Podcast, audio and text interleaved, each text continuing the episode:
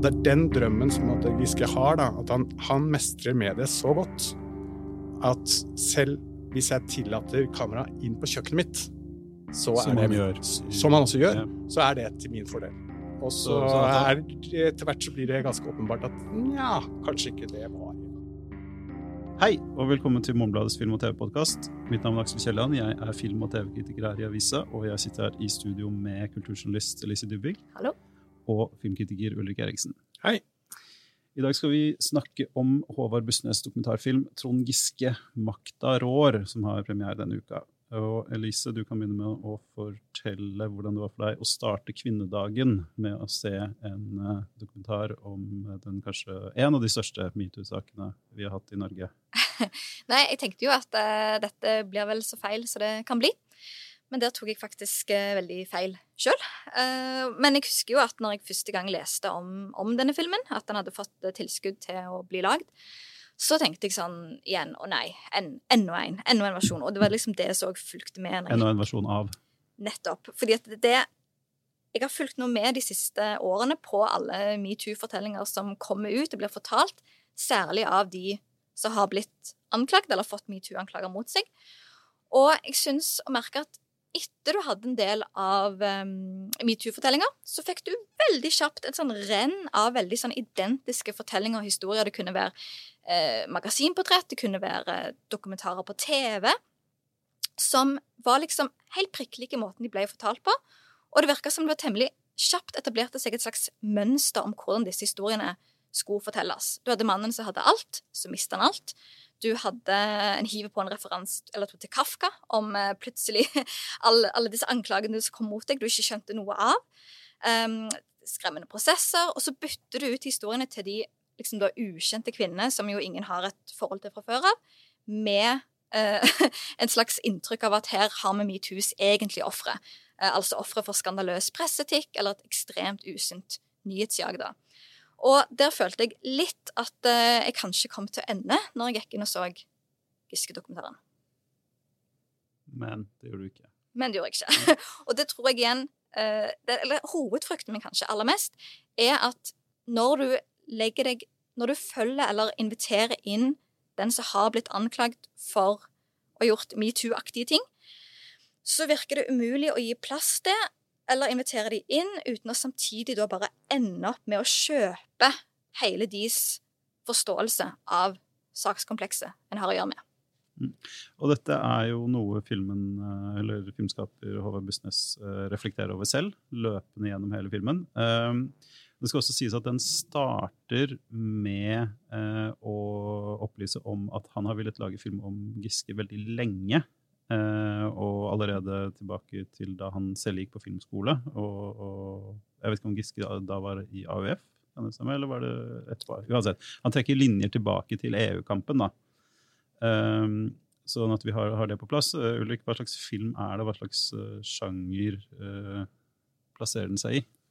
Ja, så Den følger jo da eh, Trond Giske fra sommeren 2018. eh, og Det er et halvt år etter eh, at han har da gått av som eh, nestleder i Arbeiderpartiet etter sykemelding og disse metoo-anklagene. Eh, og, og i det øyeblikket filmen begynner, eh, altså sommeren 2018, så, så er det helt åpenbart at der har Giske en ambisjon om nettopp å både si altså han sier ja til dette dokumentarfilmprosjektet nettopp fordi han tenker nok, sånn som du Elise, er inne på, at dette kan bli den måte, fortellingen som måte, gir han en slags oppreisning eh, fra dette halvåret eh, som har vært veldig ødeleggende for han. Eh, og at dette kan på en måte være Nå er han i, kjelleren, og så skal han bygge seg opp med hjelp av denne dokumentaren. Så man følger han mens han drar rundt i Norge med en campingvogn sommeren 2018 for å møte grasrota i Arbeiderpartiet. Og, og så følger man eh, ganske tett på eh, i, tider eh, med kamera, både hjemme hos Giske, med intervjuer med, med samboer og, og andre involverte. Og, og, så er det også underveis intervjuer med andre aktører som på en måte både har vært eh, journalister som har skrevet om det, og også folk som har jobbet med han i partiet. Og etter hvert også folk som eh, har anklaget han for eh, mindre heldige episoder. Den har på papiret på en, måte en, en ganske sånn klassisk struktur, men så har den også dette eh, metagrepet som Bustnes gjør underveis, som vi var inne på, at han hele tiden problematiserer sin egen rolle eh, og sitt eget forhold til Giske, og i hvilken grad han på en måte lar seg spille av Giske selv. Eh, som gjør at filmen på en måte unngår å gå i eh, feller som den ellers ville fort ha gjort. da. Mm. Og Giske også er jo selv klar over altså Dette er vel en replikk som også er i, i traileren. Dette med at Giske spør uh, har jeg ødelagt filmen for den nå. Så det er jo et uh, bevissthet hele veien både fra begge sider om at det er et narrativ som skal skapes, og skal helst ende opp som en fortelling. Uh, og ikke bare en sprikende forsamling scener og, og opptrinn. Um, er det et vellykka grep, syns du? Jeg vil si at det er det. Og nettopp sånn, du får helt, helt i starten så får du et sånn renn av eh, presseoverskrifter, og du får, blir raskt presentert i at det er liksom metoo-sakene mot Giske vi er her for, hovedsakelig. Det er ikke å bli med Giske rundt i denne vognen i, i nydelige Trøndelag. Um, og så får du med en gang eh, en intro eh, som filmskaperen stemme over eh, bildene om, at, uh, om, om, utfordringene og problemet. Da f.eks. dette med at mange tror at han er en, um, en, venn av Giske, så det er vanskelig å komme i kontakt med kilder som kanskje kan fortelle noe. Eller at uh, han plutselig Eller plutselig, plutselig, men at han òg innser problemet med at når han henger så tett på Giske i Trøndelag, så vil han jo bare møte støttespillere det er ingen som på en måte vil uh, være kritisk til Giske i, i de scenene han får uh, filma. Og hva, hva, gjør han da? Sånn at du, du setter opp den sånne spenningen med at her har filmskaperen et problem for seg sjøl, samtidig som han òg eh, anerkjenner nettopp at filmskaperen hadde en drøm om å filme Giskes vei til makten, og da gjerne statsministerjobben, men at her står han i dag og filmer veien fra makten, omtrent. Ja, og nettopp det der eh, med at han bare vil møte støttespillere, eh, det er jo i bare der eh, så, så, så, får jo på en måte Bussnes frem det dobbelte ved det. Fordi det er ikke nødvendigvis så heldig for Giske heller at han bare møter støttespillere den sommeren 2018. Fordi de, det eneste de vil snakke om når de møter Giske, det er jo nettopp disse metoo-anklagene. Og, og presenterer det på en måte som en bagatellisering av det og en total liksom, renvaskelse av Giske, og at alt er bare en maktkamp. Mm. Eh, som i utgangspunktet du ser Giske måte kanskje ikke helt liker heller, fordi at han skjønner at det er en litt for ensidig fremstilling. da, mm. Selv Giske ser det. Eh, så det blir ikke nødvendigvis heldig for han. Og det, og det, er jo nettopp det som jeg tenker at filmen på en måte tematiserer, er eh, i hvilken grad kan man på en måte som eh, intervjuobjekt eh, Eh, klare å manipulere en film, eh, og i hvilken grad kan du på en måte få den til å bli sånn som du vil at den skal bli. Eh, og der har jo Giske helt klart hatt et ønske om at den skal måte, altså Grunnen til at han har sagt ja til dette, er jo nettopp for at han har tenkt at han skal kunne klare å styre denne filmen i en retning som han liker. Og det fins jo en del sånne forbilder i, innenfor denne politiske sjangeren, altså det å lage dokumentarfilmer om politikere. Eh, den første som på en måte regnes som den virkelig store, er eh, Primary fra 1960, som følger nominasjonskampen til John F. Kennedy. Og som er en av de første filmene som blir med politikerne bak, eh, bak fasaden. I hvert fall tilsynelatende. Og det er noe med at John F. Kennedy er så trent i sin offentlige persona at han kan klare på en måte også å ta med kameraene bak.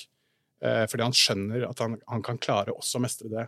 Og Det er den drømmen som at Giske har, da, at han, han mestrer mediet så godt at selv hvis jeg tillater kamera inn på kjøkkenet mitt, så som, det, han gjør. som han også gjør, ja. så er det til min fordel. Og så, er, etter hvert så blir det ganske åpenbart at nja, kanskje ikke det var helt For riktig. da. Veldig tidlig så jo, um, prøver jo um, dokumentarfilmskaperen å spørre ok, hva, hva, kan jeg snakke om når det gjelder metoo. Kan, kan, eh, kan, vi snakke om uh, de, de, konkrete sakene? Så jeg gisker sånn nei, det, nei, egentlig ikke. Kan jeg si, kan vi spørre deg om hva vi kan lære av metoo? Nei, helst ikke. Men du må gjerne Ja, eller Der sier han vel at jeg tror ingen er interessert i å høre hva jeg vil si om det. Ja, eller, eller du, mottakelig for å Ja, sant. Du, eller du skjønner at det er ifølge han òg ikke et produktivt spor å gå inn på.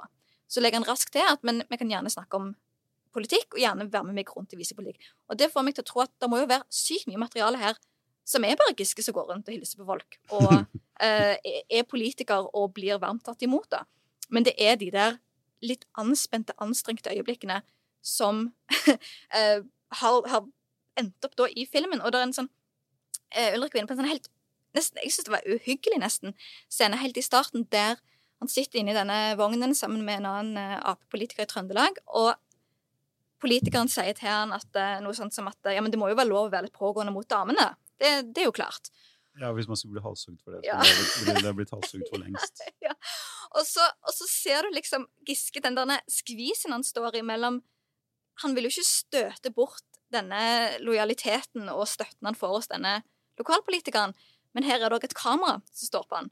Så han kan ikke skyve han bort, så han ender opp med å si noe sånt som Ja, ja, men vi skal jo ta sakene på alvor. Eller det, altså, ja, jo, jo, skal ta sakene på alvor. Mm. Men men det, derfor får meg til å tenke at dette kunne jo vært en comeback-film på Giske hvis du plutselig hadde sett en Giske som satte foten ned og sa Nei, vet du hva, det er sånne holdninger som på en måte har, har ødelagt partiet eh, de siste ikke, tre årene. Mm. Men liksom at han, kun, han kunne liksom Han kunne ja, kunne han det? Jeg vet ikke, jeg tror det.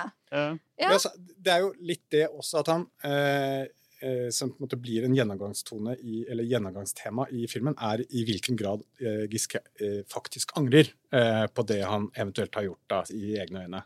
Eh, og der eh, kommer Giske selv hele tiden tilbake til Dagsrevy-intervjuet han hadde i desember 2017, hvor han på en måte beklaget hva som han hadde forårsaket sine ofre. og den scenen Eh, eller Det intervjuet kommer han tilbake til flere ganger i filmen. fordi, og, og, og Bustnes er også veldig interessert i å snakke om det, fordi han vil prøve å finne ut er det en anger her, eller er det ikke det.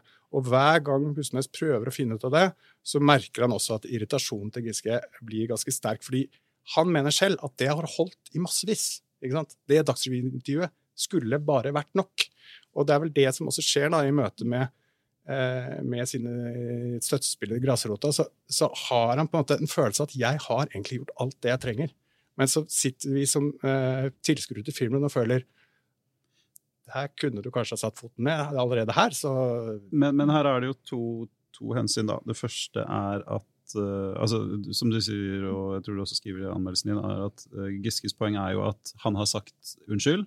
Og hvis folk fortsetter å be han avkreve han unnskyldning, så handler det ikke om unnskyldningen, det handler om maktkamp. Og det er jo noe, det er et perspektiv filmen legger fast i liksom, de første sekundene. omtrent. Så er det det med at uh, det ble hevda at uh, sentralt i Arbeiderpartiet, de sterke krefter i Arbeiderpartiet har vært sure på Trond Giske siden hans innsats i EU-kampen på 90-tallet. Eller mot, mot EU. Uh, og det andre er som du kanskje vet mest om, Elise. Hva, hva, et, hva slags unnskyld holder i metoo-sammenheng? Det er jo et av noe som filmen ikke går ordentlig inn på, men som alltid ligger der i disse fortellingene, er uh, Metoo har kommet til et punkt hvor man har et slags felles forståelse, en slags fall sånn, eh, oppfatning om hva som er galt, hva man ikke kan gjøre, men man har ennå ikke uh, funnet ut noen vei tilbake.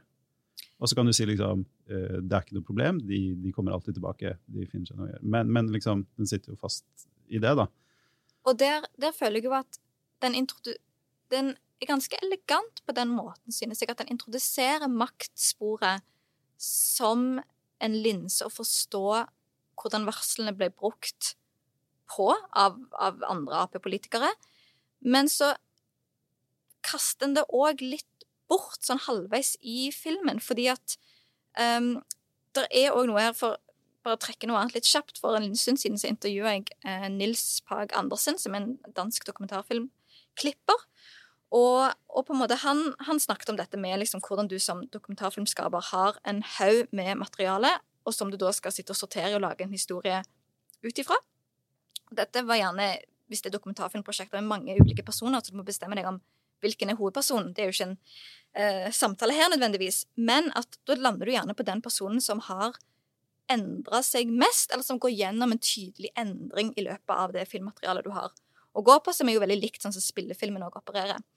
Men derfor syns jeg det er interessant i denne dokumentaren at hele poenget er mangel på endring. Total stillstand. Hvordan Giske bare har låst seg helt fast i de liksom, eh, vurderingene av hvor det er feil og skyld, og vil bare videre så raskt som mulig. Og der tror jeg, hvis en går inn på hva, hva holder i en sånn metoo-sammenheng for, for å si unnskyld, så vil jeg jo si at filmen er ganske tydelig på at tidsrommet var for kort mellom en angrende Trond Giske og øyeblikket der OK, nå er det tatt fatt på, på, på kampanjen igjen. Og at en begynner å mistenke at her har vi med en dyktig politiker som har prøvd å tilpasse seg og uh, gå med på litt sånn hva er det samtiden eller klimaet rundt meg nå ønsker, men som igjen sitter litt fast i ideen om at her vil jeg ikke ta et oppriktig oppgjør med meg sjøl.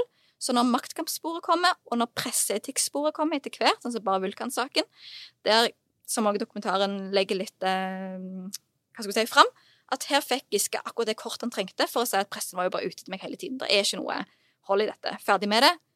Tilbake til statsrådposisjoner.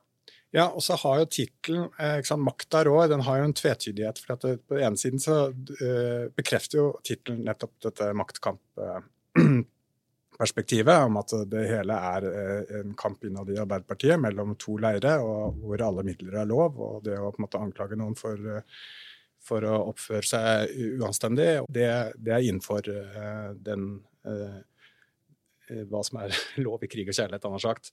Eh, men så er det jo også eh, et element med makt som filmen på en måte også kommer inn på, som er jo essensielt innenfor metoo, er jo maktperspektiv. Og i den politiske virkeligheten så er jo det liksom det store problemet. Det er ikke nødvendigvis alle handl nødvendigvis handlingen i seg selv som alltid er det verste. Det verste er nettopp det at du har en ekstrem forskjell i makt. Eh, som skaper en veldig, veldig eh, vanskelig situasjon. Og den forståelsen er det ganske tydelig at Giske ikke har, og ikke eh, får heller, i løpet av filmen, føler jeg. Ja, og det er en, altså jeg filmen jeg tror ikke jeg liker filmen like godt som dere, men, men jeg, jeg syns den er ganske smart på det altså den, den, den forsøker ikke å, å redusere noe til bare maktkamp. eller bare, altså Det er en veldig grunnleggende anerkjennelse her at selvfølgelig er det maktkamp i Arbeiderpartiet. Selvfølgelig har dette blitt brukt, men selvfølgelig har han også gjort disse tingene som eh, er langt over streken. Um, men det er, det er, en ganske tidlig i filmen så er det en, en, en scene hvor Giske eh, han, har, han, sier om det, jeg husker ikke replikken, men han sier noe sånn om at liksom, jeg er ikke viktig, det er politikken som er viktig. Og, og, og den der evnen til å redusere seg selv ut av bildet, da, eh, som, som, i mange tilfeller sikkert kan være en god sak, eh, er jo veldig beleilig for han her. Eh, så har eh, liksom har filmen gitt dere et nytt perspektiv eh, på, på Giske? Sånn, får man en ny forståelse av han? Eh, du sa at det ikke var så mye nytt nødvendigvis? I, ja, for jeg føler at det er ikke nødvendigvis noe nyhets... Altså, I hvert fall ikke nye opplysninger, kanskje? Ja, ingen nye opplysninger. Ikke noen nyhetspoeng nødvendigvis om eh, Arbeiderpartiet eller Giske eller metoo som sådan. Men jeg syns han får til å etablere en slags ny eller alternativ modell for hvordan en kan gå inn i metoo-tematikk via den anklagde, og likevel unngå at det er den anklagde som får fullt eierskap til historien. Og, og der tenker jeg at det er et sånn etisk element her òg. En kan tenke på det som en svakhet at på en måte ikke flere varslere på en måte er med eller forteller, forteller sin versjon, men ofte så opplever jeg at byrden og arbeidet med å holde maktpersoner ansvarlige altfor ofte plasseres kun på varslerne og anklagerne at Selvfølgelig, de skal, må jo gjøre mye av jobben med å liksom få dette ut og fram og varsle riktige instanser osv., men at en trenger ikke å heller være avhengig av at de skal stå parat og fortelle igjen og igjen og igjen og igjen når det liksom er nye dokumentarfilmfolk som har lyst å, å, å jobbe med liksom saken. Og da tenker jeg at filmen viser at den jobben kan like så godt gjøres av den som er med å skape og forme fortellingen. Uh, som, uh, som, det at en må hele tiden At alt må lene seg på disse andre, f.eks. Ja, og så syns jeg uh, Og det er jo Når det kommer til det med om det er noe nytt altså Det er jo på en måte man lærer jo alltid noe, tenker jeg, av å bare skru på et kamera og la det rulle. Eh, og det er jo på en måte dokumentarfilmen og den litt sånn observerende dokumentarfilmen som den jo på en måte forholder seg til. Den er jo liksom eh, Innenfor dokumentarfilmteori så vil den falle litt sånn et sted mellom en observerende dokumentar og en såkalt refleksiv dokumentar. Eh, men, men den har på en måte bare ved å være en sånn observerende, eh, ha en sånn observerende stil, så, så, så, er det mye som skjer foran kamera som på en måte blir litt utenfor eh, både filmskaperens og også subjektets, eller tem, hovedpersonens kontroll. Og noe av det den får frem, er jo liksom Jeg tenker jeg får en sånn, jeg, jeg tror jeg noterte det flere ganger, narsissisme. Og, det, og det, er, det, er, det ligger sentralt, tror jeg, hos mange politikere. er jo på en måte den Eh, en motivasjon som er viktig, tror jeg, er jo ønsket om å på en måte være i fokus, være eh, langt fremme og, og bli likt. Uh, og det å bruke på en måte, Tenke at du kan ha en dokumentarfilm som på en måte kan bli ditt våpen, da, det i seg selv er liksom en, en, litt sånn narsissistisk greie. Og jeg kom også til å tenke på, som filmen på en måte også ligner litt på Det er en dokumentarfilm som heter Wiener, om Anthony Weiner, eh, eh, den tidligere kongresspolitikeren, eh, som måtte gå av fordi han hadde sendt bilde av sin egen.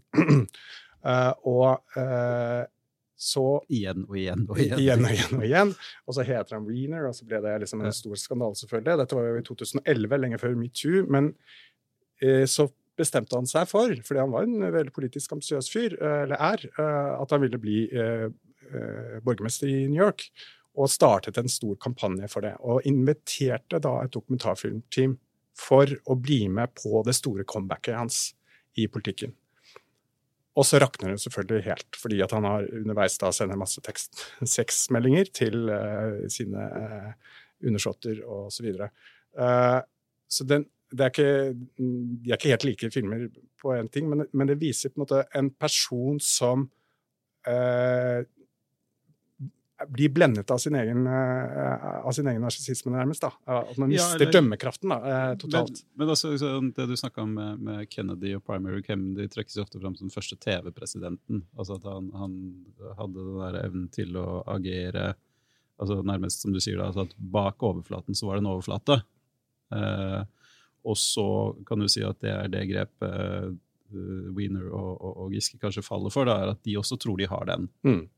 Uh, eller kanskje Giske at det handler ikke så mye om evnen til å opptre som bare liksom En av, en av de mest fascinerende tingene er jo den der liksom uh, urokkelige støtten han har i Trøndelag-lokallagene når han kjører rundt. Og liksom mm. sånn den der, uh, og, og, og Bussnes er også veldig flink til å, å, å fortelle liksom Formidle hvilken sånn naturbegavelse av en politiker han er. da. altså at liksom, Hvordan han bare kan liksom lire av seg taler, og han kan liksom dra folk i gang eh, og, og, eh, og, sånn. Men hva skal man si um, er, det narsissisme, eller er det en sånn manglende medieforståelse? Fordi de to tingene er jo ikke helt det samme. Det er ikke helt det samme, men jeg lurer på om det på en måte ene forutsetter litt det andre. Men, øh, eller hvis du har Ja, det kan være at det er mest, eh, mest manglende medieforståelse. Eh, men det har vel også noe med vår tid selvfølgelig også, fordi det er vanskeligere Når det kommer til Kennedy, da, som jo var dyktig selvfølgelig til å også være, ha fasade bak fasaden, så, så, var det jo en tid hvor det var lettere å på en måte holde fasaden også bak fasaden. Fordi mm.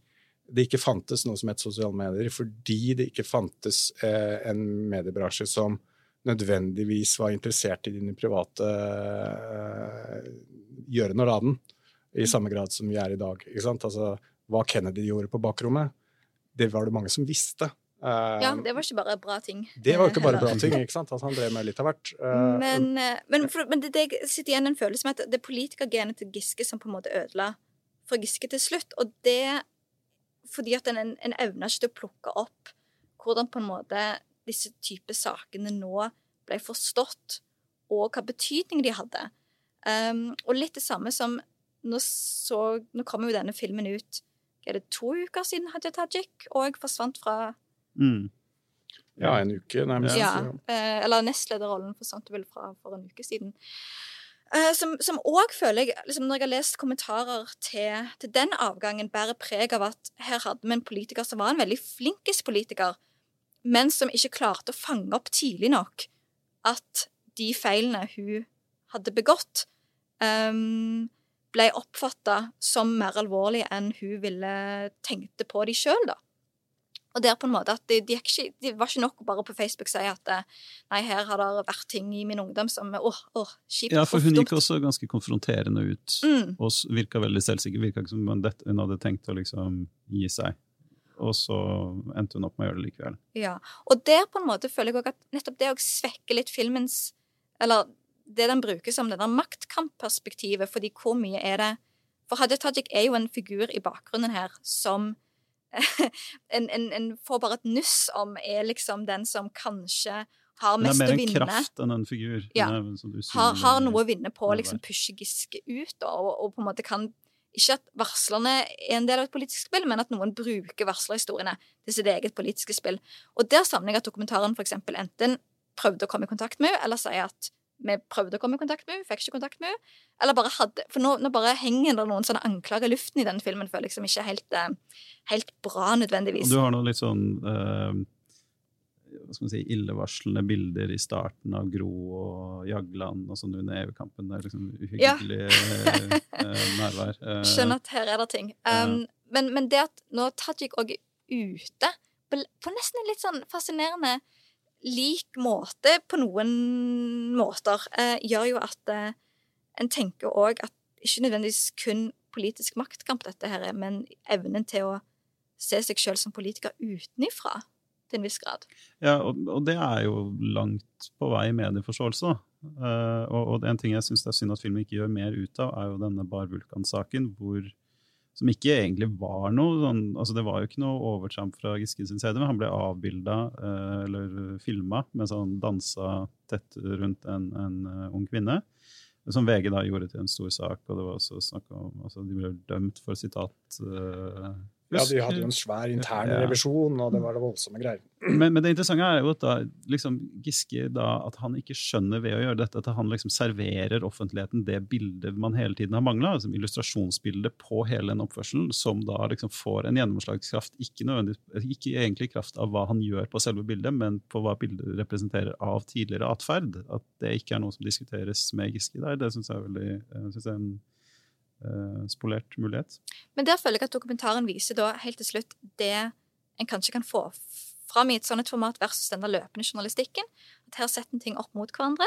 Sånn at der den Bare Vulkan-episoden endte jo nesten opp med å bli det Giske og igjen trengte for å kunne se at alt dette handla om dårlig presseskikk. Han kan jo være så smart at han Ja. tenkte at det skulle gå den veien. Så plutselig så kan du sette ting i sammenheng, og så kan en sånn som jeg opplevde den dokumentaren gjør, ta et par skritt til og si at eh, la oss ikke liksom miste oss sjøl i at her var det et mediehus som eh, bomma. For her ligger det masse ting å lure. Et avsluttende spørsmål her om estetikken. Eh, jeg syns vel ikke at dette er en sånn veldig sånn utpreget formsterk dokumentar. Men den har jo, som vi, som vi har vært litt inne på, eh, veldig mye refleksjon og, og, og for så vidt en interessant struktur. Eh, hva syns dere? Liksom, utnytter den mulighetene sine godt nok? Jeg, jeg synes, Jeg er enig med deg at, eh, at den visuelt ikke er en, en, en stor nytelse. eh, og, og den utnytter kanskje liksom potensialet ved å måte være litt sånn flue på veggen litt dårlig. Eh, den kunne gjort det mer ut av det, eh, både filmatisk og, og visuelt. Men eh, som det som jeg tenker det, det, er, det er jo en fascinerende historie. og jeg, Man sitter jo der, og så uh, har man jo hørt den før. Men det er jo noe med å få det sånn gjenfortalt eh, i et sånt eh, filmformat som på en måte er noe besnærende i seg selv, fordi det blir så fortettet, og du, og du, eh, og du må på en måte ta inn over deg detaljer som tidligere du kanskje ikke hadde helt fått det med deg. Og, så det er en sånn gjennomgang av historien som er smart fortalt med en sånn, eh, med, med en sånn refleksiv twist, som gjør at den oppleves som, som noe, noe, noe, annet enn det du har fått presentert tidligere. Mm. Og der vil jeg jo si at For meg så holder det mer enn nok å få en dokumentar som ikke gjør det som veldig mange dokumentarer gjør når de har med en uh, kjent uh, person å gjøre.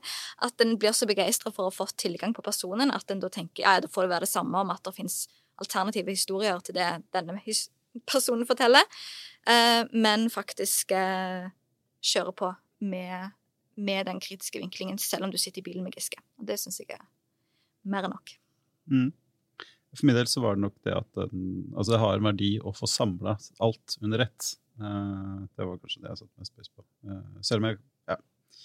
Jeg skal ikke gå nærmere inn på det. anbefalinger?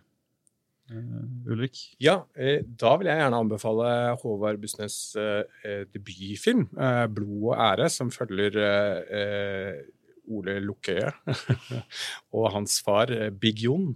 Eh, som er på en måte en sportsdokumentar, eh, men eh, noe mye mer. Eh, et familieportrett og eh, en helt vill historie. Eh, fortalt med både hjerte og en, en, en viss finesse, vil jeg si. Så en av, en, av, de beste dokumentarfilmene jeg har sett fra Norge noen gang.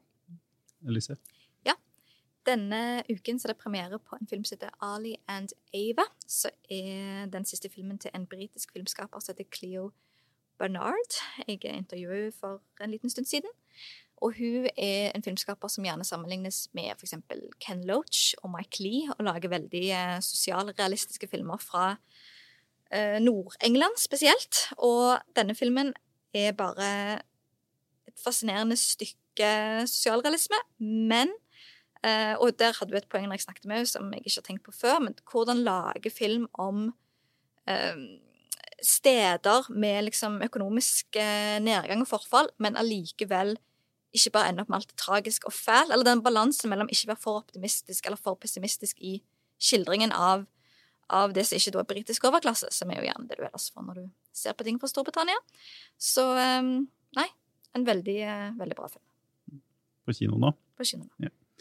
Eh, jeg må bare korrigere meg selv fra forrige gang. Jeg var litt for slepphendt med Philip K. Dick-sitatet mitt. Eh, det riktige er at eh, the, the, symbols of the divine initially show up at the trash stratum. Altså ikke bare liksom det nyskapende. På, på Trash-strata nå på Netflix har det kommet en, en superheltserie som heter Guardians of Justice, som har mye, mye guddommelige symboler. Det er en veldig fascinerende hyperaktiv sjangerblanding. Eh, så man krever en veldig veldig spesifikk eh, referanseramme for å, for å, se det jeg ser i den. Um, så jeg skal heller anbefale en bok eh, som heter The English Heretic Collection av Andy Sharp, som er en slags sånn psykogeografisk utforskning av britisk landskap og historie. Hvor da eh, film, eh, filmlocation og filmlitteratur, filmatisert litteratur spiller en veldig eh, sentral rolle. En serie med essay om, for å forstå liksom, Brit Storbritannia i, i, en mytologisk, moderne mytologisk kontekst. Eh, anbefales. Det var det vi hadde for i dag. Eh, hvis du går inn på Morgenbladets nettsider, så kan du lese Ulriks anmeldelse av filmen og andre tekster om film og TV. Og du kan også tegne abonnement på fysisk og digital utgave av avisa. Eh, da sier vi takk for oss, og så er vi tilbake med en ny episode neste uke.